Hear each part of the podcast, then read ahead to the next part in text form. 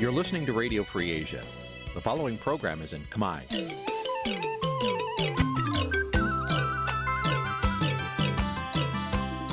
Nǐ chi càm bi tiệp xáy vệt chiu a zì sáy. នេះជាកម្មវិធីផ្សាយរបស់ Vithu Azisari ជាភាសាខ្មែរ វត្តឈូអាស៊ីសេរីសូមស្វាគមន៍លោកអ្នកនាងទាំងអស់ពីរដ្ឋធានី Washington នៃសហរដ្ឋអាមេរិកបានខ្ញុំបាទយ៉ងច័ន្ទដារា សូមជម្រាបសួរលោកអ្នកនាងអ្នកស្ដាប់វិទ្យុអាស៊ីសេរីទាំងអស់ជាទីមេត្រីខ្ញុំបាទសូមជូនកម្មវិធីផ្សាយសម្រាប់ព្រឹកថ្ងៃអាទិត្យ100ខែជេឆ្នាំថោះបัญចស័កពុទ្ធសករាជ2567ត្រូវនឹងថ្ងៃទី4ខែមិថុនាគ្រិស្តសករាជ2023បាទជាដំបូងនេះសូមអញ្ជើញអស់លោកអ្នកនាងស្ដាប់ព័ត៌មានប្រចាំថ្ងៃដែលមានមេត្តាដូចតទៅ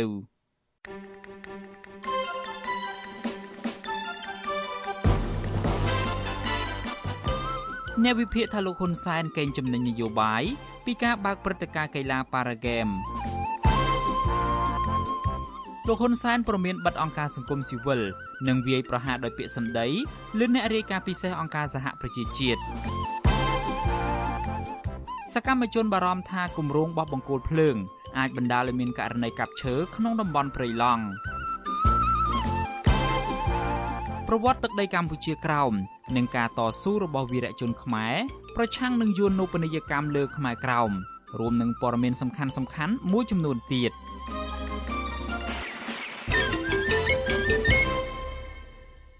បាទជាបន្តទៅទៀតនេះខ្ញុំបាទយ៉ងច័ន្ទដារាសូមជូនព័ត៌មានទាំងនេះពឹស្ដាអ្នកវិភាគថាលោកនាយករដ្ឋមន្ត្រីហ៊ុនសែនយកការបើកព្រឹត្តិការណ៍កីឡាប៉ារ៉ាហ្គេមលើកទី12ដោយផាត់ចោលអង្គព្រះមហាក្សត្រនិងលើកដំកើងខ្លួនជាអ្នកកសាងសន្តិភាព គឺជាសារនយោបាយប្រជាពិធដើម្បីកេងចំណេញនយោបាយពីប្រជាពលរដ្ឋនៅមុនការបោះឆ្នោត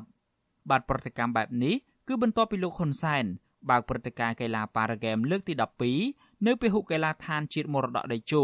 ដោយលោកថ្លែងថាលោកមានមោទនភាពក្នុងការរៀបចំកីឡាស៊ីហ្គេមទទួលបានជោគជ័យឈានដល់ការរៀបចំកីឡាប៉ារ៉ាហ្គេមនិងលើកកម្ពស់ជនមានពិការភាព បាទលោកសេចបណ្ឌិតរាយការណ៍ពិស្ដារអំពីរឿងនេះ អ្នកវិភាគនយោបាយលើកឡើងថា ការដែលលោកហ៊ុនសែនកំពុងមានមោទនភាពក្នុងការបើកព្រឹត្តិការណ៍ប៉ារ៉ាហ្គេមដោយបង្ហាញពីស្នាដៃរបស់លោក តាមរយៈការរៀបចំកីឡាប្រកួតប៉ារ៉ាហ្គេមនិងស៊ីហ្គេមដោយឥតគិតថ្លៃលើការផ្សព្វផ្សាយការស្នាក់នៅនិងហូបចុកនោះ គឺជារឿងល្ងងខ្លៅរបស់មេដឹកនាំពីព្រោះកម្ពុជា កំពុងមានសេដ្ឋកិច្ចក្រីក្រ និងជាប់បំណុលបរទេសជិត10000លានដុល្លារ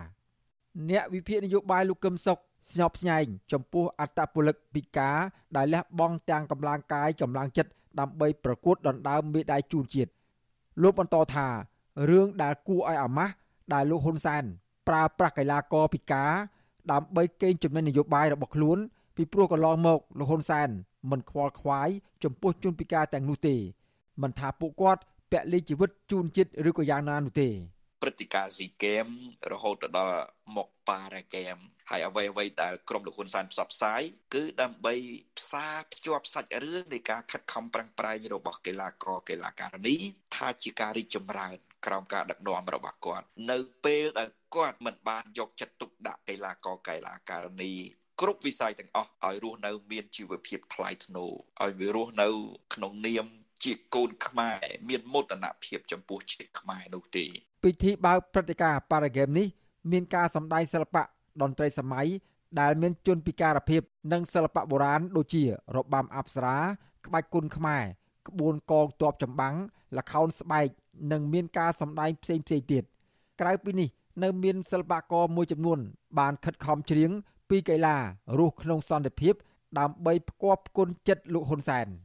ការប្រកួតកីឡាប៉ារ៉ាហ្គេមលើកទី12នេះ មានប្រតិភូកីឡាសរុបជិត2700នាក់ដោយប្រកួតលើវិញ្ញាសាសរុបចំនួន429វិញ្ញាសា នៃកីឡាចំនួន13ប្រភេទដែលគ្រោងចំណាយថវិកាជាតិប្រមាណ1លានដុល្លារអាមេរិកគិតត្រឹមយប់ថ្ងៃទី3ខែមិថុនាកម្ពុជាឈរលើលេខរៀងទី2ដោយទទួលបានមេដាយមាសចំនួន1និងប្រទេសថៃឈរនៅលេខរៀងទី1ដោយទទួលបានមេដាយមាសចំនួន2 ការប្រកួតកីឡាប៉ារ៉ាហ្គេមលើកទី12នេះចាប់ផ្ដើមប្រកួតនៅថ្ងៃទី3ខែមិថុនានិងបិទបញ្ចប់នៅថ្ងៃទី9មិថុនាកីឡាប៉ារ៉ាហ្គេមគឺជាកីឡាដែលត្រូវបានដាក់បញ្ចូលជាមួយនឹងព្រឹត្តិការណ៍កីឡាស៊ីហ្គេមហើយកីឡានេះគឺមានប្រទេសអាស៊ានទាំង11ចូលរួមប្រកួត ដែលមានបញ្ចូលនៅវិញ្ញាសាខុសៗគ្នា និងមានការរៀបចំជាពិសេសសម្រាប់ជនពិការតែប៉ុណ្ណោះ លោកហ៊ុនសែនថ្លែងនៅក្នុងពិធីបើកព្រឹត្តិការណ៍ Paragame លើកទី12ថាលោកពិតជាមានមោទនភាពដែលរៀបចំកម្មវិធីនេះនិងអំពាវនាវឲ្យពលរដ្ឋលើកកម្ពស់ជនពិការហើយកម្ពុជាក្លាយទៅជាចំណែកមួយនៃកិច្ចខិតខំប្រឹងប្រែងដើម្បីជំរុញនៅសាមគ្គីភាពអាស៊ាន និងលើកកម្ពស់គុណភាពកីឡារបស់អាស៊ានរដ្ឋាភិបាលលោកហ៊ុនសែនបានអះអាងថា លើកកម្ពស់ជនពិការ ដោយដាក់ចេញនូវគោលនយោបាយដែលរដ្ឋាភិបាលតម្រូវឲ្យជនពិការប្រមាណ2%បានបម្រើការនៅតាមក្រុមហ៊ុនឯកជននិងផ្ដល់សិទ្ធិឲ្យជនពិការបម្រើការនៅតាមស្ថាប័នរដ្ឋជាដើមផ្ទុយពីការលើកឡើងរបស់លោកហ៊ុនសែនជនពិការមួយចំនួន បានធ្លាក់ខ្លួនក្រីក្រ ដោយសារតែពួកគាត់ខ្លះជាអតីតយុទ្ធជនលះបង់ជីវិតការពារប្រទេសជាតិនិងខ្លះទៀតបានពិការភាពតាំងពីកំណើត ប៉ុន្តែពួកគាត់មិនដែលទទួលបានការគាំពៀផ្នែកសុខភាព ការអប់រំ និងសេដ្ឋកិច្ចពីលោកហ៊ុនសែននោះទេ ដោយមានជនពិការមួយចំនួនដើរច្រៀងតាមដងផ្លូវនិងចូលធ្វើការនៅកន្លែងម៉ាស្សាចាប់សរសៃដើម្បីរកប្រាក់ចំណូលផ្គត់ផ្គង់ជីវភាពគ្រួសារជាដើមក្រៅពីលោកហ៊ុនសែនប្រើប្រាស់វេទិកាបើកព្រឹត្តិការណ៍ Paragame ដើម្បីតាក់ទាញប្រជាប្រិយភាពក្នុងនោះក៏មានការជួយជ្រោមជ្រែងពីមិត្តដៃថែបរបស់លោកផងដែរ ដោយមានបំពាក់ភ្លើងពណ៌ផ្ទាំង LED និងសម្ភារៈបច្ចេកទេសទំនើបទំនើបដូចទៅនឹងព្រឹត្តិការណ៍ SEA Games ដែរកម្ពុជាបានចំណាយសរុបអស់រាប់រយលានដុល្លារក្នុងការសាងសង់ហេដ្ឋារចនាសម្ព័ន្ធផ្សេងផ្សេងដើម្បីបម្រើឲ្យការរៀបចំព្រឹត្តិការណ៍កីឡា SEA Games និង Paris Games នេះបន្ទាប់ពីរងចាំធ្វើជាម្ចាស់ផ្ទះអស់រយៈពេល64ឆ្នាំមក ក្នុងនោះកម្ពុជា ចំណាយអស់ជិត660លានដុល្លារជាជំនួយពីប្រទេសចិន ដើម្បីសាងសង់ពហុកីឡដ្ឋានមរតកឯជោនៅក្នុងខណ្ឌជ្រោយចង្វាទន្ទឹមនឹងលោកហ៊ុនសែនមានមោទនភាពថាកម្ពុជា ប្រទេសតូចតែមានបេះដូងធំលើការប្រកួតកីឡាប៉ារ៉ាហ្គេមលោកក៏រងនៅការរីគុណពីប្រជាពលរដ្ឋនិងមន្ត្រីសង្គមស៊ីវិលថាលោកចាយថវិកាជាតិខ្ជះខ្ជាយដោយមិនគិតពីពលរដ្ឋដែលកំពុងជួបទុក្ខលំបាកផ្នែកជីវភាពលើពីនេះពលរដ្ឋកម្ពុជាក្រីក្ររាប់លាននាក់កំពុងជំពាក់បំណុលធនាគារវ៉ាន់ក ខណៈពលរដ្ឋមួយចំនួននាំគ្នាចំណាក់ស្រុកទៅធ្វើការនៅក្រៅប្រទេសហើយរងនៅការប្រមាថមើលងាយពីអាជ្ញាធរប្រទេសជិតខាង ដោយគ្មានការអើពើពីរដ្ឋាភិបាលរបស់ខ្លួននោះឡើយខ្ញុំបាទសេកបណ្ឌិតវុទ្ធុអាស៊ីសេរីពីរដ្ឋធានីវ៉ាស៊ីនតោនអាស៊ីសេរីលោកអ្នកនាងជាទីមេត្រីថ្ងៃទី4ខែមិថុនាឆ្នាំ2023នេះ គឺជាខួប74ឆ្នាំនៃការបាត់បង់ទឹកដីកម្ពុជាក្រោមទៅប្រទេសវៀតណាមគ្រប់គ្រងបាទនៅពេលបន្តិចទៀតនេះលោកជុនច័ន្ទបុតនឹងមានសេចក្តីរាយការណ៍ពឹស្ដារមួយ អំពីប្រវត្តិសង្ខេបនៃទឹកដីខ្មែរកម្ពុជាក្រោមការធ្វើយួននុបនីយកម្មលើទឹកដីខ្មែរកម្ពុជាក្រោមការងើបតស៊ូរបស់វីរៈជនខ្មែរកម្ពុជាក្រោមព្រមទាំងការទាមទារសិទ្ធិស្វ័យសម្រេចរបស់ខ្មែរកម្ពុជាក្រោមបាទសូមលោកអ្នកនាងរងចាំស្ដាប់សេចក្តីរាយការណ៍ពិសេសនេះកុំបីខាន បាទសូមអរគុណ thank you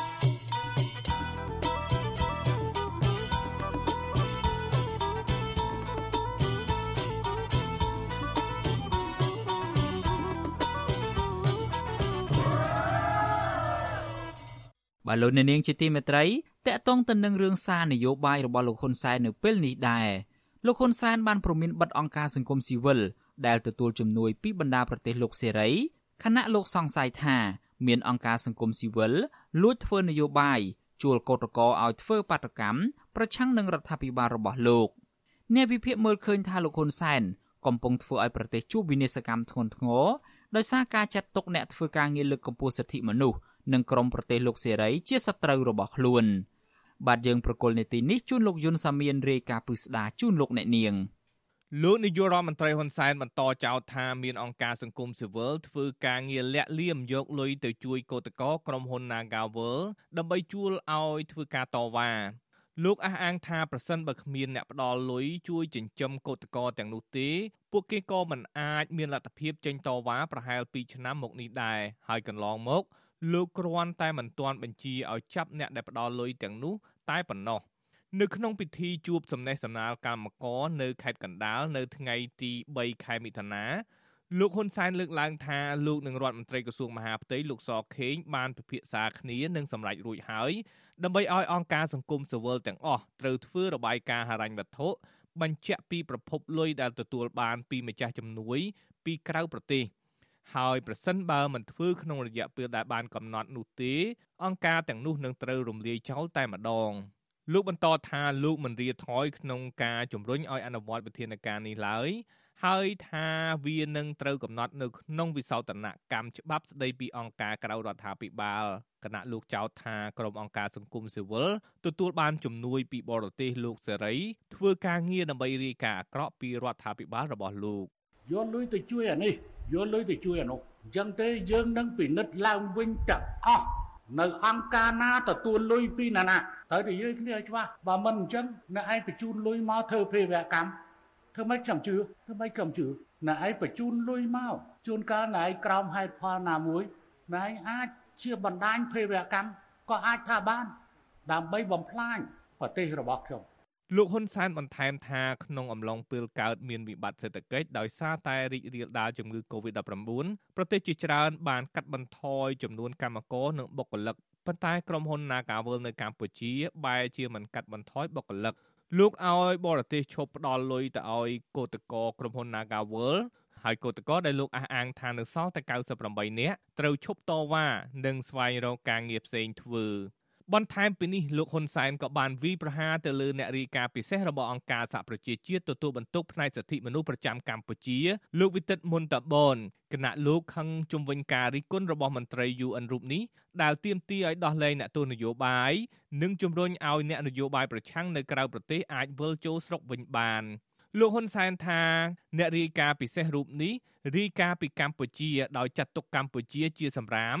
នៅក្នុងកៅភ្នែករបស់ខ្លួននិងលើកឡើងតាមតែរបាយការណ៍ពីអង្គការសង្គមស៊ីវិលនិងពីក្រមអ្នកនយោបាយប្រឆាំងទោះបីជាយ៉ាងណាអ្នកនាំពាក្យសមាគមអាត6លោកសង្សានករណាលើកឡើងថាលោកមិនចង់ឆ្លើយទៅនឹងការចោទប្រកាន់របស់លោកហ៊ុនសែនទៅលើក្រុមអង្គការសង្គមស៊ីវិលឡើយប៉ុន្តែលោកថានៅក្រៅមានកិច្ចព្រមព្រៀងសន្តិភាពទីក្រុងប៉ារីស ប្រទេសលោកសេរីបានជាប់កាតព្វកិច្ចដើម្បីជួយកសាងនិងអភិវឌ្ឍសង្គមកម្ពុជាឲ្យរីកចម្រើនដោយក្នុងនោះរួមមានការផ្ដល់ជំនួយជាប្រចាំដោយផ្ទាល់ទៅរដ្ឋាភិបាល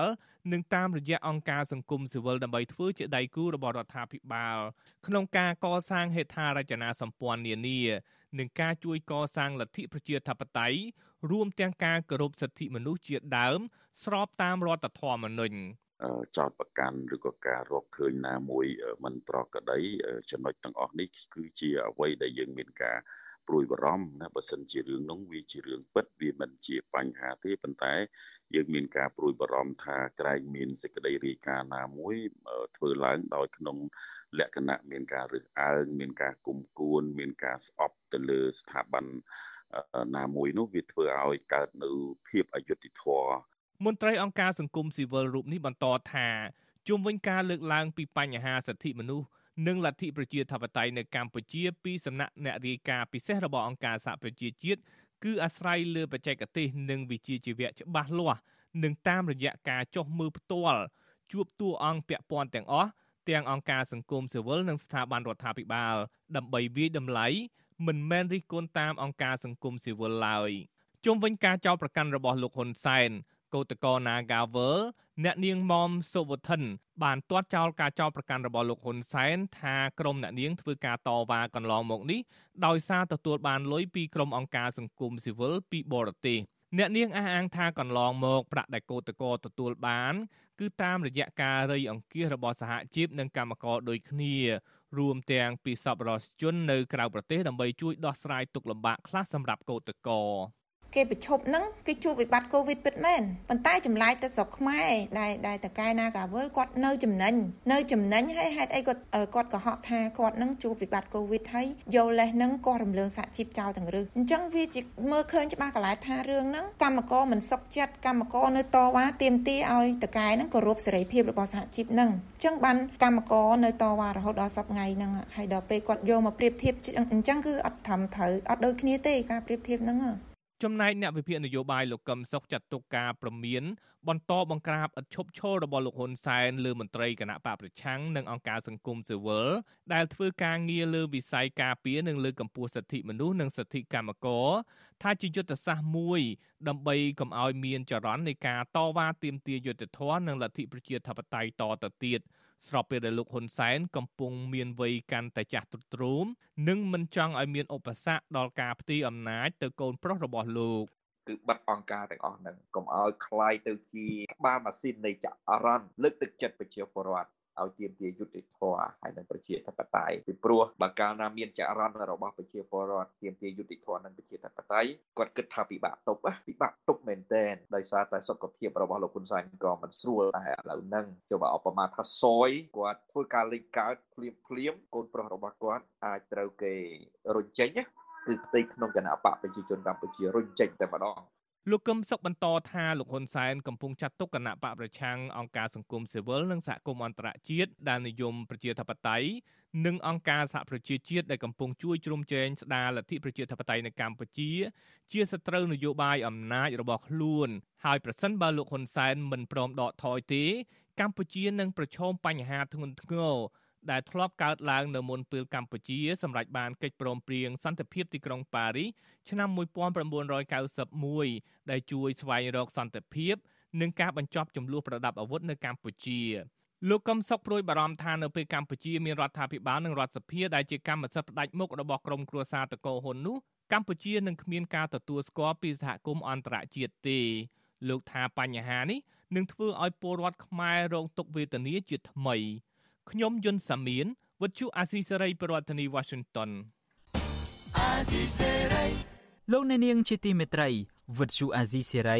នឹងចេញផ្សាយ podcast កម្ពុជាសប្តាហ៍នេះនៅរៀងរាល់ព្រឹកថ្ងៃសៅរ៍ម៉ោងនៅកម្ពុជានៃសប្តាហ៍នីមួយៗបាទកម្មវិធី podcast នេះរៀបចំដោយនាយកនិងនាយករងនៃកម្មវិធីផ្សាយ Vithu Azizi Serai ជាភាសាខ្មែរគឺលោកសំពូលីនិងលោកជុនច័ន្ទបុតសូមប្រិយមិត្តស្វែងរក និងស្ដាប់ podcast របស់យើង នៅលើកម្មវិធី podcast របស់ Apple, Google និង Spotify ដោយគ្រាន់តែសរសេរពាក្យថា កម្ពុជាសប្តាហ៍នេះឬ Cambodia This Week នៅក្នុងប្រអប់ស្វែងរកយើងក៏នឹងចាក់ផ្សាយកម្មវិធី podcast នេះឡើងវិញនៅក្នុងកម្មវិធីផ្សាយផ្ទាល់របស់យើង តាមបណ្ដាញសង្គម Facebook, YouTube និង Telegram នៅរៀងរាល់យប់ថ្ងៃច័ន្ទម៉ោងនៅកម្ពុជា បាទសូមអរគុណ thank you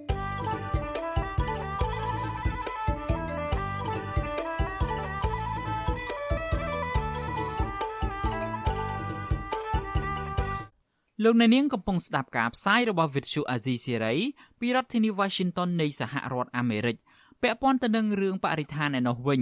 ប្រជាសហគមន៍និងសកម្មជនបរិស្ថានព្រួយបារម្ភករណីក្រុមហ៊ុន Snaetech ក្រុងបោះបង្គោលខ្សែភ្លើងឆ្លងកាត់ដែនជម្រកសត្វព្រៃព្រៃឡង់ដែលអាចធ្វើឲ្យដើមឈើធំធំនៅក្នុងតំបន់ព្រៃឡង់រាប់ពាន់ដើមបាត់បង់ពួកគេស្នើឲ្យរដ្ឋាភិបាលបញ្ឈប់ឬបញ្ជៀសគម្រោងនេះកុំឲ្យប៉ះពាល់ដល់តំបន់អភិរក្ស បាទសំលោកនៅនាងស្ដាប់សេចក្តីរាយការណ៍នេះរបស់លោកនៅវណ្ណរិនដូចតទៅបណ្ដាញសហគមន៍ព្រៃឡង់និងសកម្មជនបរិស្ថានព្រួយបារម្ភពីការបាត់បង់ដើមឈើធំធំនៅក្នុងតំបន់ព្រៃឡង់និងមានការកាប់ទន្ទ្រានព្រៃធ្វើជាកម្មសិទ្ធិបន្ទាប់ពីក្រុមហ៊ុន Snake Co Ltd ក្រុមសាងសង់បង្គោលភ្លើងអគ្គិសនីឆ្លងកាត់ដែនជម្រកសត្វព្រៃឡង់ចាប់ពីខេត្តស្ទឹងត្រែងឆ្ពោះទៅកាន់ខេត្តកំពង់ធំ។ បណ្ដាញសហគមន៍ព្រៃឡង់ខេត្តព្រះវិហារលោកខេមសុខីប្រាប់វិទ្យុអាស៊ីសេរីនៅថ្ងៃទី2មិថុនាថាការអូសខ្សែភ្លើងនិងបោះបង្គោលកាត់តំបន់ព្រៃឡង់វាធ្វើឲ្យប៉ះពាល់យ៉ាងខ្លាំងទៅលើតំបន់ការពារមួយនេះដោយសារតែក្រុមហ៊ុនត្រូវកាប់ឆ្ការព្រៃដើម្បីធ្វើជាផ្លូវសម្រាប់ដាំបង្គោលហើយគម្រោងនេះនឹងពុះញែកតំបន់ព្រៃឡង់ជាពីរផ្នែកដែលបង្កភាពងាយស្រួលដល់ក្រុមជនល្មើសចូលកាប់និងដឹកជញ្ជូនឈើចេញពីតំបន់ព្រៃឡង់ លោកបន្ថែមថាអាញាធរក៏ដូចជាមន្ត្រីជំនាញគួរចុះវាយតម្លៃឲ្យបានត្រឹមត្រូវនិងផ្សព្វផ្សាយរបាយការណ៍ទាំងនេះជាសាធារណៈជាមុនសិនបើសិនជាយើងមានចន្ទៈក្នុងការថែរក្សាព្រៃយើងកុំឲ្យអូសខ្សែភ្លើងឬក៏ធ្វើការកាប់ឆ្ការឈើដើម្បីអឺសង់បង្គោលភ្លើងកាត់តំបន់ព្រៃឡង់អីព្រោះថាយើងមិនមានអត់កលែងអូសេភ្លើងទេ នៅតាមខេត្តផ្សេងផ្សេងនៅតាមតំបន់ភូមិឋាននៃប្រជាជនរស់នៅស្រដៀងគ្នានេះដែរបណ្ដាញសហគមន៍ព្រៃឡង់ម្នាក់ទៀតនៅក្នុងខេត្តកំពង់ធំគឺលោកខឿនសុភីបបានឲ្យដឹងថាបណ្ដាញសហគមន៍ព្រៃឡង់កំពុងព្រួយបារម្ភយ៉ាងខ្លាំងចំពោះគម្រោងអូសខ្សែភ្លើងកាត់តំបន់ព្រៃឡង់នេះហើយសហគមន៍របស់លោកក៏ធ្លាប់លើកពីកង្វល់នេះប្រាប់ទៅក្រសួងបរិស្ថានរួចហើយក៏ប៉ុន្តែពេលនេះមិនទាន់បានទទួលចម្លើយនៅឡើយនោះទេ លោកបន្ថែមថាគម្រោងបោះបង្គោលខ្សែភ្លើងនឹងដំណើរការយ៉ាងរលូនហើយការកាប់ឈើនិងការទន្ទ្រានព្រៃនឹងអាចកើនឡើងយ៉ាងអនាធិបតេយ្យប្រសិនបើអាជ្ញាធរប្រងើយកន្តើយដូចសពថ្ងៃនេះប៉ះពាល់ដល់និរន្តរភាពព្រៃឈើវាមានការបាត់បង់កាន់តែកំណើនគឺកាន់តែកើនឡើងខ្លាំងទ្វេជា2ជា3ដងដោយសារផ្លូវស្រួលហើយគឺក្រុមបាត់ល្មើសវាងាយស្រួលនៅក្នុងការឆ្លងកាត់ដឹកជញ្ជូនហើយមានហានិភ័យខ្ពស់ ការកាប់រៀនដីព្រៃការបង្កើតភូមិក្រមអាណាធិបតេយ្យវិទ្យុអាស៊ីសេរីមិនអាចសុំការបំភ្លឺជុំវិញរឿងនេះពីអ្នកនាំពាក្យរដ្ឋាភិបាលលោកផៃស៊ីផាន និងអគ្គលេខាធិការរងក្រមប្រឹក្សាអភិវឌ្ឍកម្ពុជា លោកជាវុធីបាននៅឡើយនោះទេចំណែកក្រុមហ៊ុន Snaitechco Ltd លោកហេងសុជាតិក៏មិនអាចតាក់ទងបានដែរនៅថ្ងៃទី2ខែមិថុនា កាលពីឆ្នាំ2021រដ្ឋាភិបាលកម្ពុជា បានអនុញ្ញាតឲ្យក្រុមហ៊ុន Snaitech Co Ltd សាងសង់រោងចក្រផលិតថាមពលអគ្គិសនី និងត្រូវសាងសង់បង្គោលខ្សែភ្លើង ជាង200គីឡូម៉ែត្រដែលមានរោងចក្រផលិតថាមពលអគ្គិសនីធ្យូងថ្ម នៅប្រទេសឡាវហើយត្រូវអូសខ្សែភ្លើងចូលមកប្រទេសកម្ពុជាឆ្លងកាត់ដែនជំរកសត្វព្រៃឡង់ខេត្តស្ទឹងត្រែងនិងខេត្តកំពង់ធំ។ សកម្មជនបរិស្ថានដែលចុះស៊ើបអង្កេតរឿងនេះគឺលោកអូតឡាទីនលើកឡើងថាការបោះបង្គោលភ្លើងអគិសនីនេះបង្កលក្ខណៈងាយស្រួលដល់ក្រុមឈ្មួញរកស៊ីឈើនៅជុំវិញតំបន់ព្រៃឡង់និងអ្នកកាប់ទន្ទ្រានព្រៃយកដីធ្វើជាកម្មសិទ្ធិលោកបន្ថែមថានៅពេលដែលមានវត្តមានបង្គោលភ្លើងទាំងនោះវានឹងធ្វើឲ្យបាត់បង់ព្រៃកាន់តែច្រើនឡើងព្រោះសពថ្ងៃនេះបញ្ហាកាប់បំផ្លាញព្រៃឈើនៅមិនទាន់បានដោះស្រាយឲ្យមានភាពប្រសើរនៅឡើយនោះទេ វាកាន់តែមានហានិភ័យខ្ពស់ជាពិសេសគឺអាចលនានៃការទន្ទ្រានកាន់កាប់ដីរបស់ច្បាប់នឹងវាអាចនឹងមានការរីករាលដាលធំជាងមុនហើយក៏អាចមានច្រើនជាងមុនហើយបញ្ហានេះប្រហែលជាអាចពិបាកនៅក្នុងការធ្វើការដោះស្រាយឲ្យមានប្រសិទ្ធភាពហើយនៅមានគុណភាព បណ្ដាញសហគមន៍ព្រៃឡង់និងសកម្មជនបរិស្ថានស្នើដល់រដ្ឋាភិបាលគួរពិចារណាឡើងវិញទៅលើគម្រោងសាងសង់បង្គោលភ្លើងកាត់តំបន់ព្រៃឡង់នេះព្រោះពួកគាត់មើលឃើញពីហានិភ័យខ្ពស់បណ្ដាលឲ្យមានការបាត់បង់ព្រៃឈើនៅក្នុងតំបន់ការពារខណៈបច្ចុប្បន្ននេះដែនជំរកសត្វព្រៃព្រៃឡង់ដែលស្ថិតនៅជាប់ខេត្តចំនួន4គឺខេត្តក្រចេះស្ទឹងត្រែង ព្រះវិហារនិងកំពង់ធំ កំពុងរងការកាប់បំផ្លាញយ៉ាងធ្ងន់ធ្ងរពីសំណាក់ក្រុមហ៊ុនឯកជននិងការទន្ទ្រានព្រៃយកដីធ្វើជាកម្មសិទ្ធិពីសំណាក់ប្រជាពលរដ្ឋចំណាក់ស្រុកខ្ញុំបាទនៅវណ្ណរិន With Chu Azizi Saray ពីរដ្ឋធានី Washington បាទលោកអ្នកនាងជាទីមេត្រីពាក់ព័ន្ធទៅនឹងរឿងវិស័យការងារឯនេះវិញសហជីពឯករាជ្យទទូចឲ្យថៅកែក្រុមហ៊ុនស៊ីកូទទួលយកកម្មការនីដែលកំពុងមានផ្ទៃពោះចូលធ្វើការវិញ ក្រោយពីថៅកែក្រុមហ៊ុន បានបញ្ឈប់កម្មកររូបនោះកាលពីថ្ងៃទី29ខែឧសភាក្រោមហេតុផលគាត់សុំច្បាប់ឈប់សម្រាកទៅមើលកូនឈឺកម្មការនីដែលត្រូវបានថៅកែបញ្ឈប់ពីកន្លែងការងារនោះគឺលោកស្រីសុនចម្រើន មានតួនាទីជាអ្នកត្រួតពិនិត្យគុណភាពនៅក្នុងក្រុមហ៊ុនស៊ីកូដែលមានទីតាំងនៅតំបន់សេដ្ឋកិច្ចពិសេសក្រុងបាវិតខេត្តស្វាយរៀងប្រធានសហព័ន្ធសហជីពចលនាកម្មករលោកប៉ៅស៊ីណា មានប្រសាសន៍ថា ក្រោយពីទទួលពាក្យបណ្ដឹងពីកម្មកររួចមកលោកបានដាក់ពាក្យបណ្ដឹងជាផ្លូវការទៅកាន់សមាគមអ្នកបញ្ជាទិញដើម្បីអន្តរាគមន៍ចំពោះបញ្ហានេះលោកយល់ថាការបញ្ឈប់កម្មការនីដែលមានផ្ទៃពោះដោយហេតុផលត្រឹមតែគាត់សុំច្បាប់ឈប់សម្រាកទៅមើលកូនឈឺនៅផ្ទះគឺជារឿងមួយដែលអាក្រក់បំផុតមិនអាចទទួលយកបានទេនិងជាការរំលោភទៅលើសិទ្ធិការងារពីសំណាក់ថៅកែក្រុមហ៊ុនទៅលើកម្មករលោកប៉ៅស៊ីណាបន្ថែមថា ការបញ្ឈប់ស្ត្រីមានផ្ទៃពោះពីការងារបែបនេះគឺប៉ះពាល់ទៅដល់សេដ្ឋកិច្ចគ្រួសារកម្មករជាពិសេសស្ត្រីមានផ្ទៃពោះពិបាកក្នុងការស្វែងរកការងារនៅកន្លែងផ្សេងទៀត គ្រាន់តែកម្មការនីដែលមានផ្ទៃពោះហើយគាត់សុំច្បាប់ដោយសារតែមូលហេតុតាច់ញាតគាត់ឈឺពូនរបស់គាត់ឈឺហើយត្រូវបានក្រុមហ៊ុនប្រជុំពីការងារខ្ញុំគិតថាចុះនៅតម្រាំបងប្អូនដែលមិនមានកៅថាផ្ទៃពោះឬក៏ប្រាកូនហើយឬក៏គ្រាន់តែអ្នកអាចថាគាត់មានទុរៈដែលមិនបានសុំច្បាប់កន្លះថ្ងៃឬក៏មួយថ្ងៃថ្ងៃឬក៏គាត់គាត់មានបញ្ហាសាច់ញាតិគាត់មានទុរៈអីចាំបាច់ឬក៏ជីស្កាត់អីគាត់សុំច្បាប់អីអញ្ចឹងពួកគេប្រឈមមុខទៅក្នុងការប្រជុំពីការងារភ័យភ័យឬក៏អាចថាដេញចោលឆៅឆៅតែម្ដងវិទ្យុអាស៊ីសេរីនៅពុំទាន់អាចតាក់ទងភាគីថៅកែក្រុមហ៊ុនស៊ីកូដើម្បីសុំការបកស្រាយអំពីបញ្ហានេះបាននៅឡើយទេ កាលពីថ្ងៃទី3ខែមិថុនាតាក់ទងទៅនឹងបញ្ហាការងារនេះដែរលោកនាយរដ្ឋមន្ត្រីហ៊ុនសែនបានថ្លែងនៅក្នុងពិធីជួបសំណេះសំណាលជាមួយកម្មករនៅស្រុកពញាលឺខេត្តកណ្ដាលកាលពីព្រឹកថ្ងៃទី3ខែមិថុនាដោយបានណែនាំដល់អភិបាលរាជធានីខេត្តទាំងអស់ ត្រូវតែដោះស្រាយវិវាទការងាររបស់កម្មករជាបន្ទាន់ដោយមិនឲ្យរងចាំរហូតដល់តុលាការនោះទេហើយខ្ញុំសូមបញ្ជាក់ជាមួយនឹងអស់លោកខេត្តទាំងអស់កិច្ចការ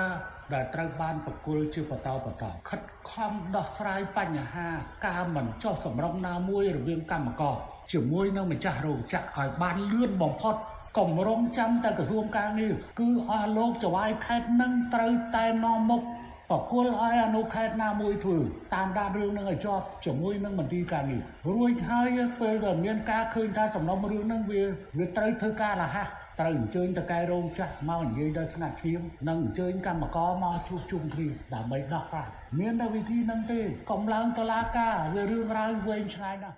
ទោះជាមានការណែនាំបែបនេះពីលោកហ៊ុនសែនក៏ដោយក៏កន្លងទៅអាជ្ញាធរនឹងក្រសួងការងារច្រើនតែលំអៀងទៅរកថកែ ដោយមិនខ្វល់ខ្វាយដោះស្រាយទៅតាមច្បាប់ និងផ្ដល់ភាពយុត្តិធម៌ជូនកម្មកររងគ្រោះឡើយករណីខ្លះទៀតអាជ្ញាធរចោទកម្មករថាធ្វើបាតកម្មខុសច្បាប់ថែមទៀតនៅពេលពួកគាត់ចេញតវ៉ាដោយសន្តិវិធី ដើម្បីទាមទាររកដំណោះស្រាយវិវាទការងារ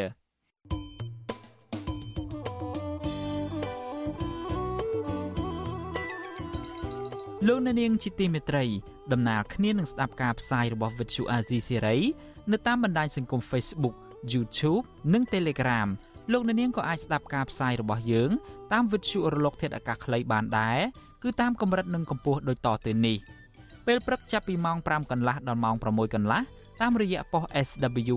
12.14 MHz ស្មើនឹងកម្ពស់ 25m និងប៉ុស SW 13.71 MHz ស្មើនឹងកម្ពស់ 22m ពេលយប់ចាប់ពីម៉ោង7កន្លះដល់ម៉ោង8កន្លះ តាមរយៈប៉ុស SW 9.33 MHz ស្មើនឹងកម្ពស់ 32m ប៉ុស SW 11.88 MHz ស្មើនឹងកម្ពស់ 25m និងប៉ុស SW 12.14 MHz ស្មើនឹងកម្ពស់ 25m បាទសូមអរគុណ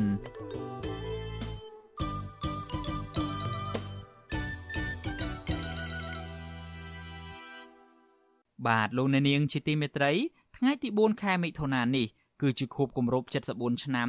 នៃការបាត់បង់ទឹកដីកម្ពុជាក្រោមទៅប្រទេសវៀតណាមគ្រប់គ្រង។បាទនៅក្នុងឱកាសខួបលើកទី74ឆ្នាំនៃការគ្រប់គ្រងទឹកដីខ្មែរកម្ពុជាក្រោមដោយប្រទេសវៀតណាមនេះលោកជុនច័ន្ទបុតសូមជូនសេចក្តីរាយការណ៍ពិសេសមួយតាក់ទងទៅនឹងខ្មែរកម្ពុជាក្រោមបាទនៅក្នុងសេចក្តីរាយការណ៍ពិសេសនេះលោកអ្នកនាងនឹងបានជ្រាបអំពីប្រវត្តិសង្ខេបនៃទឹកដីខ្មែរកម្ពុជាក្រោមការធ្វើយន្តនពាណិយកម្មលើទឹកដីខ្មែរកម្ពុជាក្រោម ការងើបតស៊ូរបស់វីរជនខ្មែរកម្ពុជាក្រោមព្រមទាំងការទាមទារសិទ្ធិស្វ័យសម្រេចរបស់ខ្មែរកម្ពុជាក្រោម។បាទសូមអញ្ជើញលោកអ្នកនាងស្ដាប់សេចក្តីរាយការណ៍ពិសេសនេះរបស់លោកជុនច័ន្ទបុតដូចតទៅ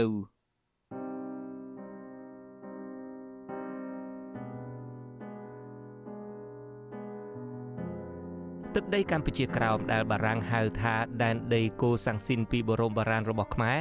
បានធ្លាក់ទៅក្រោមការគ្រប់គ្រងរបស់វៀតណាមកាលពីថ្ងៃទី4ខែមិថុនាឆ្នាំ1949ក្រោមការចុះហត្ថលេខាប្រគល់ទឹកដីនេះទៅឲ្យប្រទេសវៀតណាមដោយប្រធានាធិបតីបារាំងលោកវ៉ាំងសុងអូរីយ៉ូល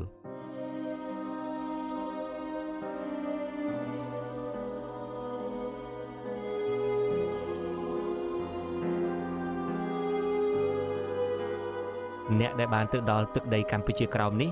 ប្រកាសជាបានឃើញប្រឆាក់ផ្ទាល់នឹងភ្នែកថានោះគឺជាទឹកដីដ៏សម្បូររុងរឿងនិងដ៏មានជីជាតិដែលពោពេញទៅដោយសក្តានុពលកសិកម្មនិងសេដ្ឋកិច្ច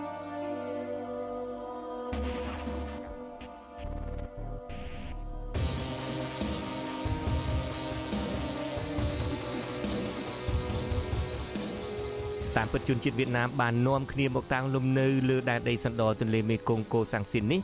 តាំងពីដើមសតវត្សទី17មកម្លេះនៅគ្រានោះព្រះរាជានៃប្រទេសកម្ពុជា គឺព្រះបាទជ័យជាថាទី2ឬព្រះបាទជ័យជាស្ដាទី2មានព្រះជាយាយជាជនជាតិវៀតណាម ដែលមានព្រះនាមថាម្ចាស់ក្សត្រីអង្គជើព្រះជាយារបស់ព្រះបាទជ័យជាស្ដាទី2នេះ គឺជាបុត្រីទី8របស់ព្រះចៅយួនអាណាម គឺទំនាក់ទំនងរវាងកូនប្រសាជាស្ដេចខ្មែរ និងឪពុកក្មេកជាស្ដេចយួនអាណាមនេះហើយដែលបើកផ្លូវឲ្យជនជាតិវៀតណាម ចូលមកតាំងលំនៅនៅដែនដីកម្ពុជាក្រោមនេះ។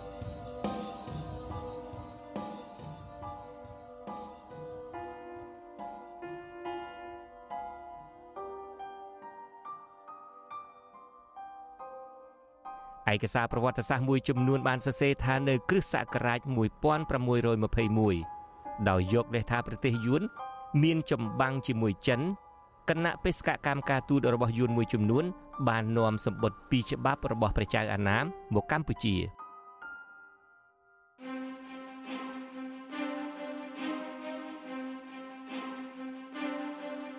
មួយច្បាប់ថ្វាយព្រះបាទជ័យជាស្ដាជាកូនប្រសានិងមួយច្បាប់ទៀតថ្វាយម្ចាស់ក្សត្រីអង្គជើឲ្យជួយទូលព្រះស្វាមីសុំខ្ចីដីខ្លះនៅតំបន់កម្ពុជាក្រោម ដើម្បីបង្ហាត់សេនាទាហានយួនការខ្ចីដីធ្វើជាមូលដ្ឋានបង្ហាត់ទ័ពនេះមានរយៈពេល5ឆ្នាំ ហើយសន្យាថាគ្រប់5ឆ្នាំនឹងសងថ្វាយមកខ្មែរវិញ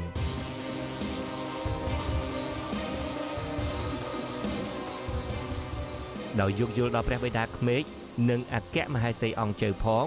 ព្រះជ័យជាស្ដាក៏ទ្រង់យល់ព្រមអនុញ្ញាតតាមការស្នើសុំនេះ ចាប់តាំងពីពេលនោះមក ជនជាតិយួនបានដឹកកូនជញ្ជូនចៅបបួលគ្នាមករស់នៅក្នុងទឹកដីខ្មែរកាន់តែច្រើនឡើងច្រើនឡើងម្យ៉ាងទៀតដោយយកលេសថាដើម្បីជួយអាជ្ញាធរខ្មែរក្នុងទីនោះរក្សាសន្តិសុខឲ្យមានប្រសិទ្ធភាពព្រះចៅយួនក្រុងវេក៏បានបញ្ជូនមេទ័ពរបស់គេម្នាក់ឲ្យមកឈរកាន់កាប់នៅតំបន់នោះទៀតផង។ បន្ទាប់ពីព្រះបាទជ័យជាស្ដេចទី2ឬជ័យជាថាទី2ចូលទីវង្គតនៅឆ្នាំ1628វត្តមាននៃជនជាតិយួននៅលើទឹកដីខ្មែរ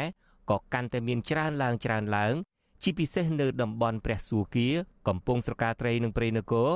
ហើយឥទ្ធិពលរបស់ប្រទេសអាណាមមកលើកម្ពុជាក៏កាន់តែមានខ្លាំងឡើងជាលំដាប់ចំណែកក្សត្រីអង្គជើក៏ត្រូវបានព្រះស្វាមីលើកដំកើងជាព្រះមហាក្សត្រិយានី ដែលមានព្រះបរមងារថាសម្ដេចព្រះភគវតីព្រះស្រីវីរៈក្សត្រីប្រទេសកម្ពុជាបានជួបប្រទះវិបត្តិផ្ទៃក្នុងជាបន្តបន្ទាប់ពិសេសគឺវិបត្តិដណ្ដើមរាជគ្នារវាងរាជវង្សានុវង្សខ្មែរនិងការប្រទាញប្រទងគ្រប់គ្រងកម្ពុជា ពីសំណាក់ប្រទេសសៀមនិងយួនអាណាមក្រោយពីព្រះបាទជ័យជាថាទី2ចូលទីវង្គតស្របពេលជាមួយគ្នានេះប្រទេសសៀមនិងយួនអាណាមក៏បានប្រទាញប្រទងគ្នា ដើម្បីជ្រើសរើសយកព្រះរាជាខ្មែរណា ដែលគេគិតថាអាចបំរើប្រយោជន៍គេបានឲ្យឡើងសោយរាជប្រការនេះបានធ្វើឲ្យប្រទេសកម្ពុជាក្លាយជាសមរភូមិប្រយុទ្ធរវាងខ្មែរនិងខ្មែរនិងរវាងប្រទេសឈ្លានពានជិតខាងទាំងពីរវិបត្តិផ្ទៃក្នុងប្រទេសកម្ពុជាក្រោយរជ្ជកាលព្រះបាទជ័យជាស្ដាទី2បានអូសបន្លាយជាង200ឆ្នាំពលគឺបានអូសបន្លាយរហូតដល់ពេលព្រះបាទអង្គឌួង ដែលជាព្រះរាជបុត្រពៅរបស់ព្រះបាទអង្គអេងឡើងគ្រងរាជនៅឆ្នាំ1840ក្នុងខណៈដែលកម្ពុជាកំពុងមានវិបត្តិប្រទេសសៀមនិងយួនអាណាមក៏បានឆ្លៀតឱកាសយកចំណេញពីប្រទេសកម្ពុជា តែរៀងរៀងខ្លួន ប្រទេសសៀមឆ្លៀតយកដីខ្មែរច្រើនតាមដែលគេអាចធ្វើទៅបាន ចំណែកស្ដេចយួនអាណាមវិញ បន្តបញ្ជូនពលរដ្ឋរបស់គេ មករស់នៅលើទឹកដីខ្មែរកាន់តែច្រើនឡើងច្រើនឡើង។ គិតត្រឹមពាក់កណ្ដាលទី2នៃសតវត្សទី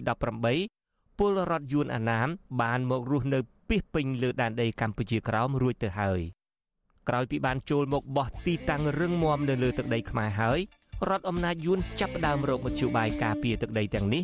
និងបានប្រើគ្រប់មធ្យោបាយដើម្បីលុបបំបាត់អត្តសញ្ញាណរបស់ខ្មែរ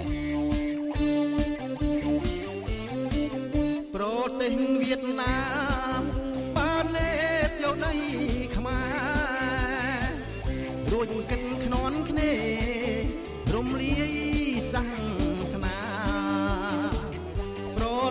វៀតណាមបានលេបយកដីខ្មែររួចគិតខ្នន់គ្នារំលាយសាសនាចាប់សឹកព្រះសង្ឃរឹបយកគេដូនក្រោមតបាចោទថាចង់ផ្ដាច់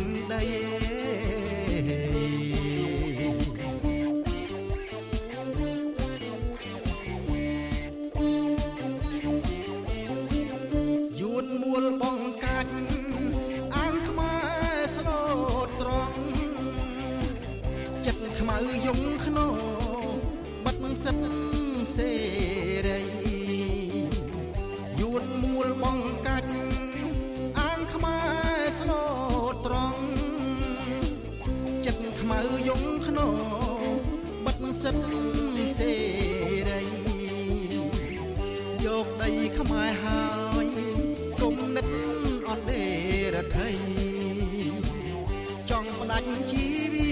តពូជពងខែមរា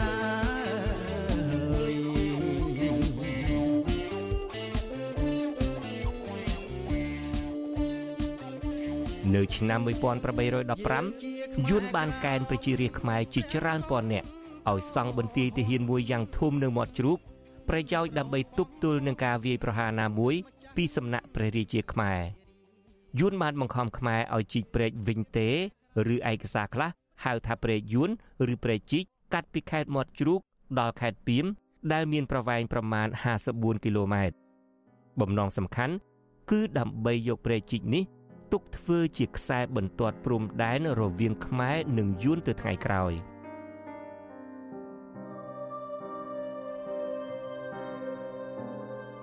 ជំហានបន្ទាប់ មេដឹកនាំយួនអាណាម បានផ្លាស់ប្ដូរឈ្មោះភូមិឃុំស្រុកខេត្តក្រុងខ្មែរឲ្យទៅជាឈ្មោះយួនស្ទើរតែទាំងអស់ឈ្មោះខេត្តក្រុងខ្មែរទាំង21ត្រូវយួនផ្លាស់ប្ដូរដូចតទៅព្រៃនគរទៅជាសៃហ្គនឬបច្ចុប្បន្នគេដូរមួយសារទៀតទៅជាក្រុងហូជីមិញទួលតាមុកទៅជាធូដូមុកចង្វាត្រពាំងទៅជាបៀនវ៉ាព្រះសួគ៌ទៅជាបារាអូកាប់ជាវងតាវ រួងដំរីជាតៃនិញកំពង់គោទៅជាលងអាង មេសទៅជាមីថកោះគងទៅជាកកុងកំពង់ឫស្សីទៅជាបេនត្រាលងហោទៅជាលងហោផ្សារដែកទៅជាសាដែកព្រះត្រពាំងជាត្រាវិញព្រែកឫស្សីជាកិនធើបារាជជាលងសៀងមាត់ជ្រូកទៅជាចៅដុក ពីមទៅជាហាទៀងក្រមួនសទៅជារ៉ាត់យ៉ា ឃ្លាំងទៅជាសុកត្រាំងពុលលាវទៅជាបាក់លាវនិងទឹកខ្មៅទៅជាកាម៉ាវមិនត្រឹមតែផ្លាស់ប្ដូរឈ្មោះខេត្តខ្មែរនិងតំបន់ខ្មែរនៅទឹកដីកម្ពុជាក្រោមឲ្យទៅជាឈ្មោះយួនប៉ុណ្ណោះទេសូម្បីតែឈ្មោះតំបន់មួយចំនួននៅក្នុងទឹកដីកម្ពុជាកណ្ដាលឯនេះក៏វៀតណាមបានផ្លាស់ប្ដូរឲ្យទៅជាឈ្មោះយួនដែរឧទាហរណ៍ភ្នំពេញគេហៅថាណាំយ៉ាង អូដុងគេហៅទៅជាបាក់កូណាមខេត្តកំពតទៅជាកឹងវតព្រៃវែងទៅជាឡាវែនលងវែកទៅជាលូវៀតនិងសំរោងតងទៅជាលងតងជាដើមលោកអ្នកនាងក៏ប្រហែលធ្លាប់ឮរួចមកហើយថាពលរដ្ឋខ្មែរកម្ពុជាក្រោមមាននាមត្រកូលស្រដៀងស្រដៀងគ្នាហើយមានសូរសៀងដូចភាសាវៀតណាមនេះក៏មកពីការបង្ខំឲ្យពលរដ្ឋខ្មែរកម្ពុជាក្រោមទាំងនោះដូរត្រកូលខ្មែរចេញដែរដើម្បីងាយស្រួលសម្គាល់ និងងាយស្រួលគ្រប់គ្រងខ្មែរអធិរាជយួនអាណាមឈ្មោះយ៉ាឡុងនិងមេដឹកនាំយួនបន្តបន្ទាប់មកទៀតបានបង្ខំខ្មែរឲ្យបដូរត្រកូលរបស់ខ្លួន ហើយប្រើត្រកូលរួមគ្នាទៅតាមខេត្តនិងតំបន់នីមួយៗត្រកូលទាំងនោះរួមមានថាច់សឿនគៀនគឹមចៅយ៉ាញ់ឬដាញ់កាវនិងដាវជាដើមត្រកូលយ៉ាញ់ឬដាញ់ត្រូវបានប្រើសម្រាប់ខ្មែរនៅខេត្តក្រមួនស ត្រកូលថាច់គឹមសឿនគៀនសម្រាប់ខ្មែរនៅខេត្តព្រះត្រពាំងខេត្តឃ្លៀងខេត្តពុលលាវ និងខេត្តទឹកខ្មៅត្រកូលកៅសម្រាប់ខេត្តរួងដំរី និងត្រកូលដាវសម្រាប់ខេត្តព្រែកឫស្សីដោយឡែកសម្រាប់ខេត្តមាត់ជ្រូកត្រកូលចៅត្រូវគេឲ្យប្រើសម្រាប់បុរសចំណែកស្ត្រីវិញ គេឲ្យប្រើត្រកូលនាង ក្រៅពីនេះក៏នៅមានត្រកូលមួយចំនួនផ្សេងទៀតដែរដូចជាលីយៀបលឹម តាំងញឹងហ្វិនត្រឹងងោតោយឿងនិងលូជាដើម។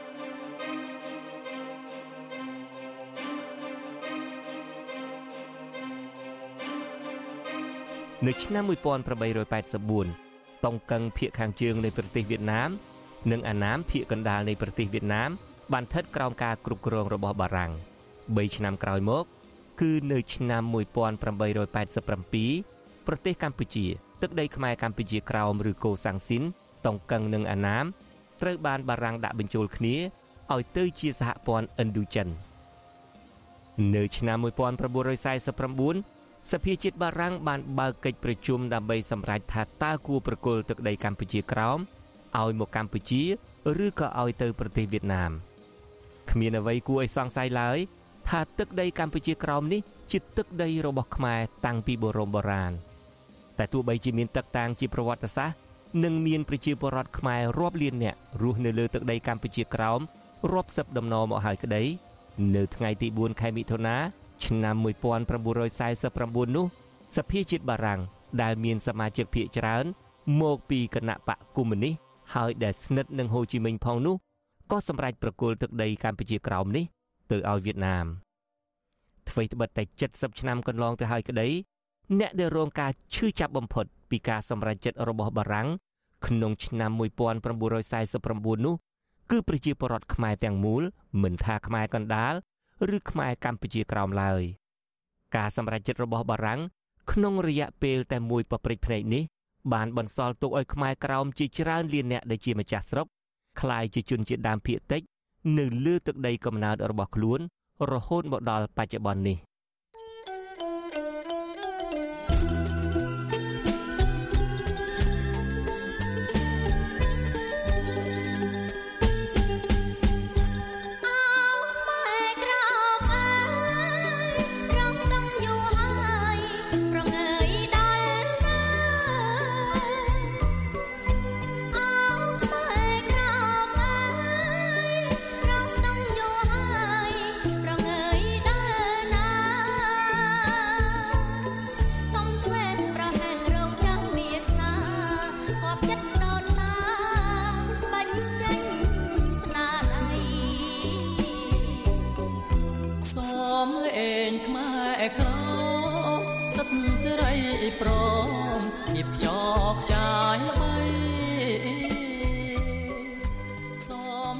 ពលរដ្ឋនិងយុវជនកម្ពុជាក្នុងពេលបច្ចុប្បន្នបានយល់ដឹងច្រើនអំពីបញ្ហាកម្ពុជាក្រោម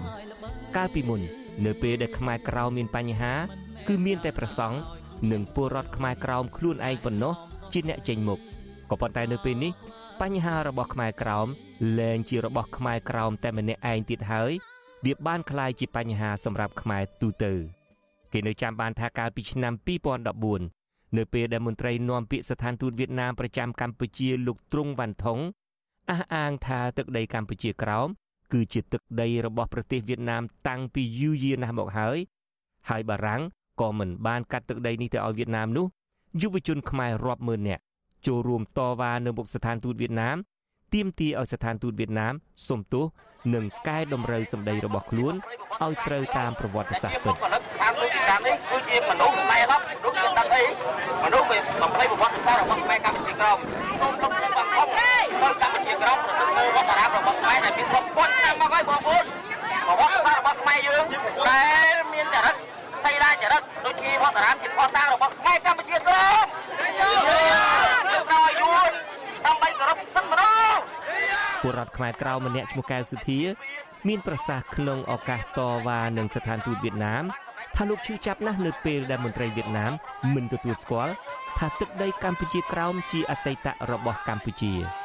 យើងមានការជឿចាប់ដោយសារជាទឹកដីរបស់យើងមិនដែលគេគេថាជាទឹកដីរបស់គេគេបំភ្លៃប្រវត្តិសាស្ត្រជាការពិតណាយួនវាគេនៅធ្វើបាបកាលពីខ្ញុំនៅកម្ពុជាក្រមក៏ដូចតែគេចេះធ្វើបាបជាដូនជាតាយើងរហូតដល់យើងពីចំនួន1ដល់ចំនួន1រហូតដល់ពេលនេះគេព្យាយាមបំភ្លៃប្រវត្តិសាស្ត្របន្ថែមទៀត ចំណែកពលរដ្ឋខ្មែរក្រៅមួយរូបទៀត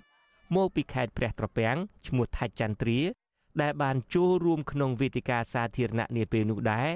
គាត់សម្គាល់ថាការបំភ្លៃប្រវត្តិសាស្ត្រដោយមន្ត្រីវៀតណាមគឺជារឿងអយុត្តិធម៌ចំពោះខ្មែរក្រោម វាអយុត្តិធម៌ណាស់សម្រាប់ខ្មែរកម្ពុជាក្រោមយើងដែលរងគ្រោះវេទនាផ្លោចផ្សាជាទីបំផុតយើងឃើញហើយទាំងអស់ប្រជាជនជាង10លាននាក់កំពុងរងទុក្ខវេទនានៅកម្ពុជាក្រោមនោះការកាប់សម្លាប់ពីមុនមកដុតទាំងរស់ធ្វើជាមុំចង្ក្រានខ្មែរក្រោមទូទៅសោកស្ដាយណាស់វិរៈបុរសដែលបាត់បង់ទៅដូច្នេះហើយយើងចូលរួមយើងតតាំងនេះដើម្បីជាយុត្តិធម៌ខ្មែរកម្ពុជាក្រោមត្រូវការយុត្តិធម៌ដូចជាអ្នកទាំងអស់នៅលើពិភពលោកដែរលោកថាការបកស្រាយប្រវត្តិសាស្ត្រមិនច្បាស់លាស់នេះ វាអាចធ្វើឲ្យជីវិតពលរដ្ឋខ្មែរប្រមាណជាង10លាននាក់ដែលកំពុងរស់នៅទឹកដីខ្មែរកម្ពុជាក្រោមសពថ្ងៃប្រឈមនឹងការធ្វើបាប ការរំលោភសិទ្ធិមនុស្សនិងការរឹតបន្តឹងទៅលើសិទ្ធិប្រតិបត្តិផ្នែកជំនឿសាសនាជាដើមទឹកដីខ្មែរកម្ពុជាក្រោមនេះត្រូវវៀតណាមចូលលុកលុយតាំងលំនៅ តាំងពីមុនបារាំងចូលមកកាន់កាប់នៅពាក់កណ្ដាលទី2នៃសតវត្សទី19ម្លេះអស់រយៈពេលជាង3សតវត្សមកហើយដែលជនជាតិខ្មែរបានតស៊ូ និងធ្វើពលិកម្មគ្រប់បែបយ៉ាងដើម្បីបបផហេតុការពារទឹកដីវប្បធម៌និងជំនឿសាសនារបស់ខ្លួន នៅដែនដីកម្ពុជាក្រោមអ្នកតស៊ូខ្លះត្រូវគេសម្លាប់ខ្លះត្រូវរងអំពើទារុណកម្មនិងត្រូវជាប់ឃុំឃាំងដោយសត្វធាតពួកគាត់ខ្លះត្រូវបានគេស្គាល់តតគ្នានិងជាប់ឈ្មោះក្នុងប្រវត្តិសាស្ត្រក៏ប៉ុន្តែខ្លះទៀតមិនត្រូវបានគេចងចាំប៉ុន្មានឡើយជាពិសេសក្នុងស្ថានភាពបច្ចុប្បន្ន ដែលកម្មវិធីសិក្សាមិនបានបញ្ចូលអំពីមេរៀនខ្មែរក្រោមទាំងកម្មវិធីសិក្សារបស់កម្ពុជា និងទាំងកម្មវិធីសិក្សារបស់វៀតណាមអ្នកជំនាញស្នើឲ្យពលរដ្ឋខ្មែរទូទៅងាកទៅចាប់អារម្មណ៍ប្រវត្តិសាស្ត្រខ្មែរក្រោមនិងរំលឹកពីគុណបំណាច់របស់អ្នកតស៊ូទាំងឡាយនៅសម័យមុនអ្នកជំនាញបញ្ហាខ្មែរក្រោមអះអាងថាមានវីរៈជនច្រើនណាស់ដែលបានបូជាជីវិត និងប្រឹងប្រែងតស៊ូដើម្បីឲ្យខ្មែរក្រោម អាចរក្សាអត្តសញ្ញាណរបស់ខ្លួនបាន មកដល់ពេលបច្ចុប្បន្នអ្នកទាំងនោះមានទាំងប្រជាពលរដ្ឋសាមញ្ញព្រះសង្ឃមន្ត្រីរាជការរហូតដល់អង្គព្រះមហាក្សត្រវីរៈជនខ្មែរក្រោមដែលលេចធ្លោជាងគេបំផុតក្នុងសតវត្សទី19គឺអង្គញាសឿនគុយដែលជាចៅហ្វាយខេត្តព្រះត្រពាំងលោកសុកចិត្តប្រគល់ខ្លួនឲ្យអាញាធរយួនអាណាមចាប់យកទៅប្រហារជីវិតដោយកាត់កជាធ្នូនឹងការរក្សាប្រពៃណី ទំនៀមទម្លាប់ និងពុទ្ធសាសនាខ្មែរកម្ពុជាក្រោមអោខ្មែរក្រមអើយអ្នកជុកសោកាខ្ញុំស្លាប់ព្រោះជាតិសាសនាជាចំណាព្រំលេខិតស្លាប់តែរូបកាយវិញ្ញាណនៅចិត្តរាំងសាកាពី ញាតិមិត្តស្មោះពិតមិនស្ដាយសង្ខាលោហិតខ្ញុំហូបដោសិទ្ធសេរីដងខ្លួនជូនញាតប្រុសស្រី ក្បាលថ្លៃលួសជាតិសាសនាបំណាច់នឹងស្លាប់ក្បាលក្លៀងពី ស្មារីករាយស្លាប់ជុំខែមរា ស្ដាក្រាំងមានសាវតាខ្មែរក្រោយសម័យអញ្ញាស៊ុនគួយបន្តិច មានវីរៈជន3នាក់ផ្សេងទៀតគឺសេនាសួសសេនាមន់និងសេនាទា ដែលពួកលោកទាំង3បានតស៊ូប្រយុទ្ធរហូតអស់ជីវិតទល់នឹងកងទ័ពយួនអាណាម នៅក្នុងខេត្តឃ្លៀងនិងខេត្តពុនលាវ បន្ទាប់ពីត្រួតត្រាដែនដីកម្ពុជាក្រោមពេញដៃហើយកងទ័ពយួនអាណាម បានបន្តធ្វើបាបរាជខ្មែរនៅដែនដីកម្ពុជាក្រោមរហូតដល់សម័យអាណានិគមបារាំងក្រោយទទួលបានឯករាជ្យពីបារាំងនៅអំឡុងពាក់កណ្ដាលសតវត្សទី20ប្រទេសវៀតណាមបានបែកជាពីរគឺវៀតណាមខាងជើង និងវៀតណាមខាងត្បូងអ្វីបើត្រូវចែកជាពីរក្តីក៏ពលរដ្ឋខ្មែរក្រោមមិនអាចរួចផុតពីការតាមធ្វើទុកបុកម្នេញ ពីសំណាក់អាជ្ញាធរវៀតណាមដែរនៅអំឡុងទសវត្ស1960និង1970ព្រះសង្ឃខ្មែរក្រោមជាច្រើនអង្គត្រូវបានអាជ្ញាធរវៀតណាមខាងត្បូងធ្វើគុតដោយសារព្រះអង្គបានក្រោកតវ៉ាប្រឆាំងនឹងគោលនយោបាយលុបបំបាត់ពូជសាសន៍ខ្មែរដែលដាក់ចេញដោយប្រធានាធិបតីវៀតណាមខាងត្បូងងឿនវ៉ាន់ធាវក្រោយការដួលរលំនៃរបបសាធារណរដ្ឋវៀតណាមខាងត្បូងឆ្នាំ1975 អាញាធរវៀតណាមកុម្មុយនីសបានចោទប្រកាន់និងចាប់ខ្លួនថ្នាក់ដឹកនាំពុទ្ធសាសនាខ្មែរក្រោមដាក់ពន្ធនាគារជាបន្តបន្ទាប់អាញាធរវៀតណាមកុម្មុយនីសបានចោទប្រកាន់ថ្នាក់ដឹកនាំពុទ្ធសាសនាគណៈធេរវាទប្រដេជគុណគឹមសាងថាមាននិន្នាការគ្រប់គ្រងរណសេរីខ្មែរសេរីរបស់លោកសឹងងុកថាញ់និងបានចោទថ្នាក់ដឹកនាំគណៈខេមរនិកាយព្រះដេចគុណថាច់ងោថាជាអ្នកគ្រប់គ្រងសាធារណរដ្ឋវៀតណាមខាងត្បូងទៀតផង វៀតណាមកុម្មុយនីសបានសម្រេចរំលាយចោលព្រះពុទ្ធសាសនាខ្មែរក្រោមទាំងពីរគណៈនៅក្នុងឆ្នាំដដែលនោះហើយថ្នាក់ដឹកនាំពុទ្ធសាសនាខ្មែរក្រោមត្រូវបានគេចាប់ផ្សឹកនិងត្រូវគេបង្ខំឲ្យធ្វើការនៅកន្លែងលុតដំរហូតធ្លាក់ខ្លួនឈឺជាទម្ងន់ហើយមានអង្គខ្លះទៀតបានជាប់ឃុំរហូតដល់សតិមិនប្រក្រតីក្រោយមកនៅអំឡុងទសវត្ស1980 វៀតណាមបានចាប់ព្រះមេគណៈខេត្តព្រះត្រពាំងព្រះនាមគឹមតុកជើងសាស្ត្រាចារ្យបណ្ឌិតហែងសវណ្ណជាបញ្ញវន្តខ្មែរក្រោមព្រមទាំងព្រះសង្ឃនិងអ្នកចេះដឹងខ្មែរក្រោមជាច្រើនអ្នកទៀតដាក់ពន្ធនាគារអាញាធិបតេយ្យវៀតណាមបានចោទព្រះសង្ឃនិងបញ្ញវន្តខ្មែរទាំងនេះថាមានបំណងរំដោះទឹកដី និងមានគំនិតចង្អៀតចង្អល់និយម បន្ទាប់ពីពួកគាត់ បានបំផុសស្មារតីឲ្យកូនចៅខ្មែរក្រោមព្យាយាមរៀនសូត្រពីប្រវត្តិសាស្ត្រ និងទំនៀមទម្លាប់ប្រពៃណីខ្មែរព្រះអង្គគឹមតុកជើងបានសគត់នៅក្នុងពន្ធនាគារហើយបណ្ឌិតហែងសវណ្ណ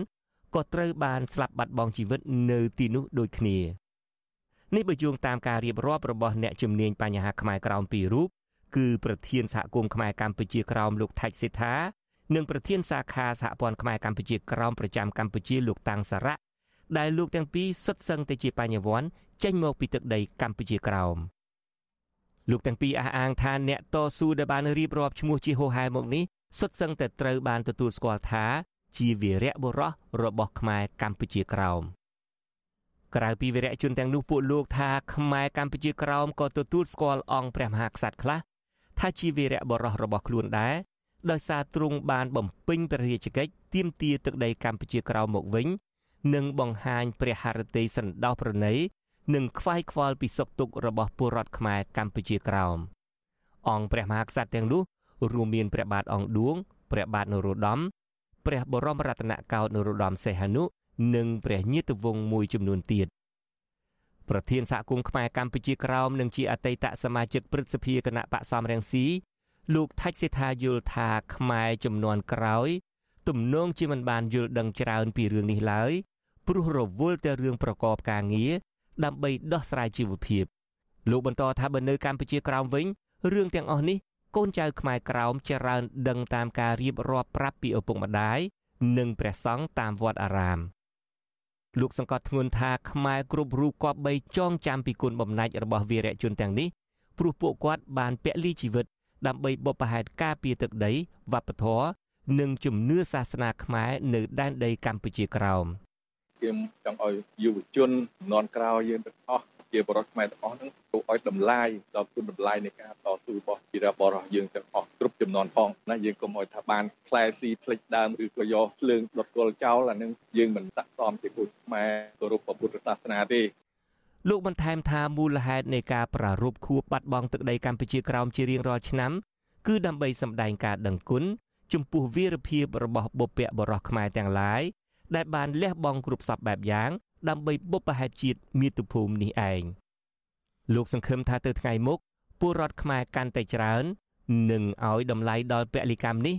ហើយសំខាន់ជាងនេះ លោកមិនចង់ឃើញខ្មែរខ្លះមិនដឹងគុណបុព្វបុរសខ្លួនឯងបែរទៅជាដឹងគុណប្រទេសជិតខាង ដែលបានឈ្លានពានកម្ពុជានោះឡើយ។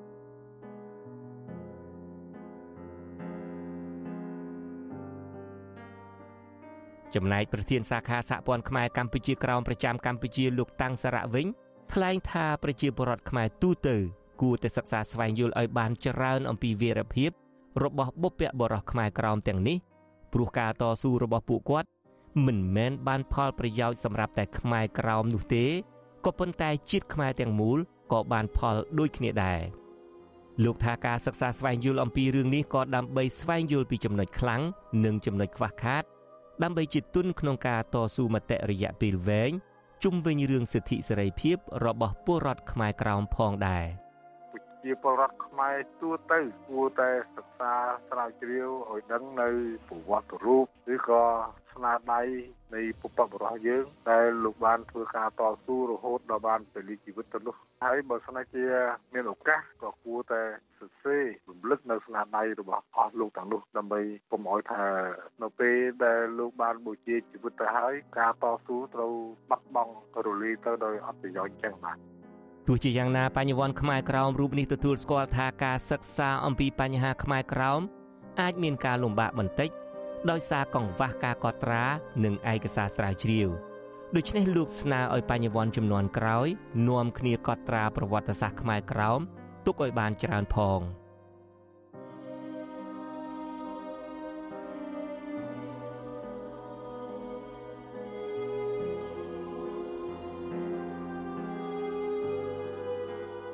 រយៈពេល70ឆ្នាំដែលទឹកដីកម្ពុជាក្រោមស្ថិតក្រោមការគ្រប់គ្រងរបស់វៀតណាមនេះ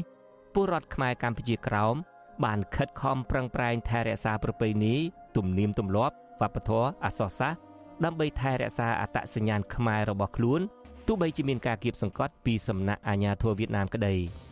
អ្វីដែលពលរដ្ឋខ្មែរក្រោមចង់បាននោះ គឺសិទ្ធិក្នុងការសម្រេចចិត្តដោយខ្លួនឯងមន្ត្រីសហព័ន្ធខ្មែរកម្ពុជាក្រោមលោកត្រឹងម៉ាណរិនមានប្រសាសន៍ថាពលរដ្ឋខ្មែរកម្ពុជាក្រោមបាត់បង់សិទ្ធិរបស់ខ្លួនស្ទើរគ្រប់ផ្នែក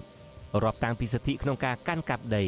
ការគោរពប្រតិបត្តិសាសនា ប្រពៃណីទំនៀមទម្លាប់ជាដើមលោកត្រឹងម៉ាណរិនដែលជាមន្ត្រីផែនការរបស់សហព័ន្ធខ្មែរកម្ពុជាក្រោមលើកឡើងបន្ថែមថាបញ្ហាធំមួយដែលធ្វើឲ្យពលរដ្ឋខ្មែរកម្ពុជាក្រោមបាត់បង់សិទ្ធិស្វ័យសម្រេចលើជោគវាសនារបស់ខ្លួនដោយខ្លួនឯងគឺការដែលរដ្ឋាភិបាលវៀតណាមយកលេសមិនព្រមចាត់ទុកថាពលរដ្ឋខ្មែរកម្ពុជាក្រោមជាជនជាតិដើមភាគតិចរដ្ឋាភិបាលវៀតណាម ចាត់ទុកពួកគាត់ថាជាជនជាតិភាគតិចទៅវិញយួនគេថាប្រទេសគេអត់មានជនជាតិដើមទេមានតែជនជាតិភាគតិចក៏ប៉ុន្តែអាហ្នឹងវាជាជាឱកាសមួយ ដើម្បីឲ្យសហព័ន្ធចលនាថែមទៀតគោលបំណងយួននៅប្រកែកនេះដើម្បីជៀសវាងនៅអាសិទ្ធិសម្រាប់វាសនាខ្លួនដោយខ្លួនឯងហ្នឹងគេនេះពីជនជាតិដើមមានសិទ្ធិហ្នឹង តាមពិតគេមិនមែនថាថាខ្មែរក៏មានជនជាតិដើមនេះគេថាប្រទេសគេអត់មានជនជាតិដើមបាននេះថាចាមក៏មានជនជាតិដើមបាននេះថាខាងម៉ូតញ្ញាក៏មានជនជាតិដើមហើយដូច្នោះហើយគ្មានអ្នកណាគេទទួលស្គាល់អាពាក្យដោះសារនោះរបស់បងប្រទេសយួននោះទេប៉ុន្តែគោលបំណងគេគេចង់គេចង់ពញាពេលក្នុងការអនុវត្តសិទ្ធិសម្ដេចវាសនាខ្លួនដោយខ្លួនឯងរបស់ជនជាតិដើមនឹងឯងទោះជាយ៉ាងនេះក្តីលោកត្រឹងម៉ានរិនអះអាងថាពលរដ្ឋខ្មែរកម្ពុជាក្រោមនៅតែមានសង្ឃឹមថាថ្ងៃណាមួយ ពលរដ្ឋខ្មែរកម្ពុជាក្រោមនឹងអាចទាមទាររដ្ឋាភិបាលវៀតណាមផ្ដល់សិទ្ធិជាជនជាតិដើមភាគតិច ដល់ពលរដ្ឋខ្មែរកម្ពុជាក្រោមហើយសហព័ន្ធខ្មែរកម្ពុជាក្រោមរួមនឹងពលរដ្ឋខ្មែរនិងស្ថាប័នដទៃទៀតក៏នឹងបន្តតស៊ូមតិលើឆាកអន្តរជាតិដើម្បីទាមទារសិទ្ធិនេះជូនពលរដ្ឋខ្មែរកម្ពុជាក្រោមឲ្យខាងតែបានខ្ញុំជុនច័ន្ទបុតអាស៊ីសេរី Washington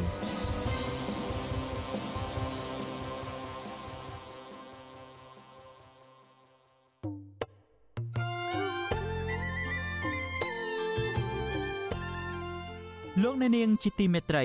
នៅក្នុងឱកាសនេះដែរខ្ញុំបាទសូមថ្លែងអំណរគុណដល់លោកអ្នកនាងកញ្ញាទាំងអស់ដែលតែងតែមានភក្ដីភាពចំពោះការផ្សាយរបស់យើង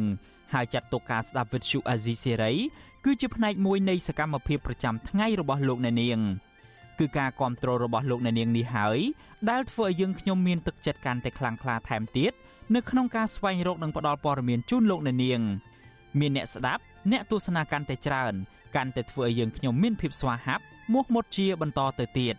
យើងខ្ញុំសូមអរគុណទុកជាមុនហើយសូមអញ្ជើញលោកអ្នកនាងកញ្ញាទាំងអស់ចូលរួមជំរុញឲ្យសកម្មភាពផ្តល់ព័ត៌មានយើងនេះកាន់តែជោគជ័យបន្ថែមទៀត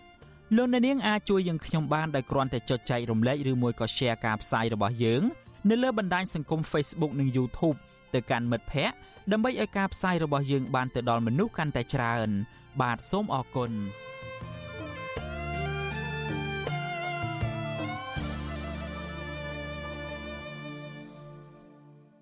លោកអ្នកនាងជាទីមេត្រីការផ្សាយរយៈពេល1ម៉ោងរបស់ Vuthu Azizi Serai នៅព្រឹកនេះចប់ត្រឹមតែប៉ុណ្ណេះ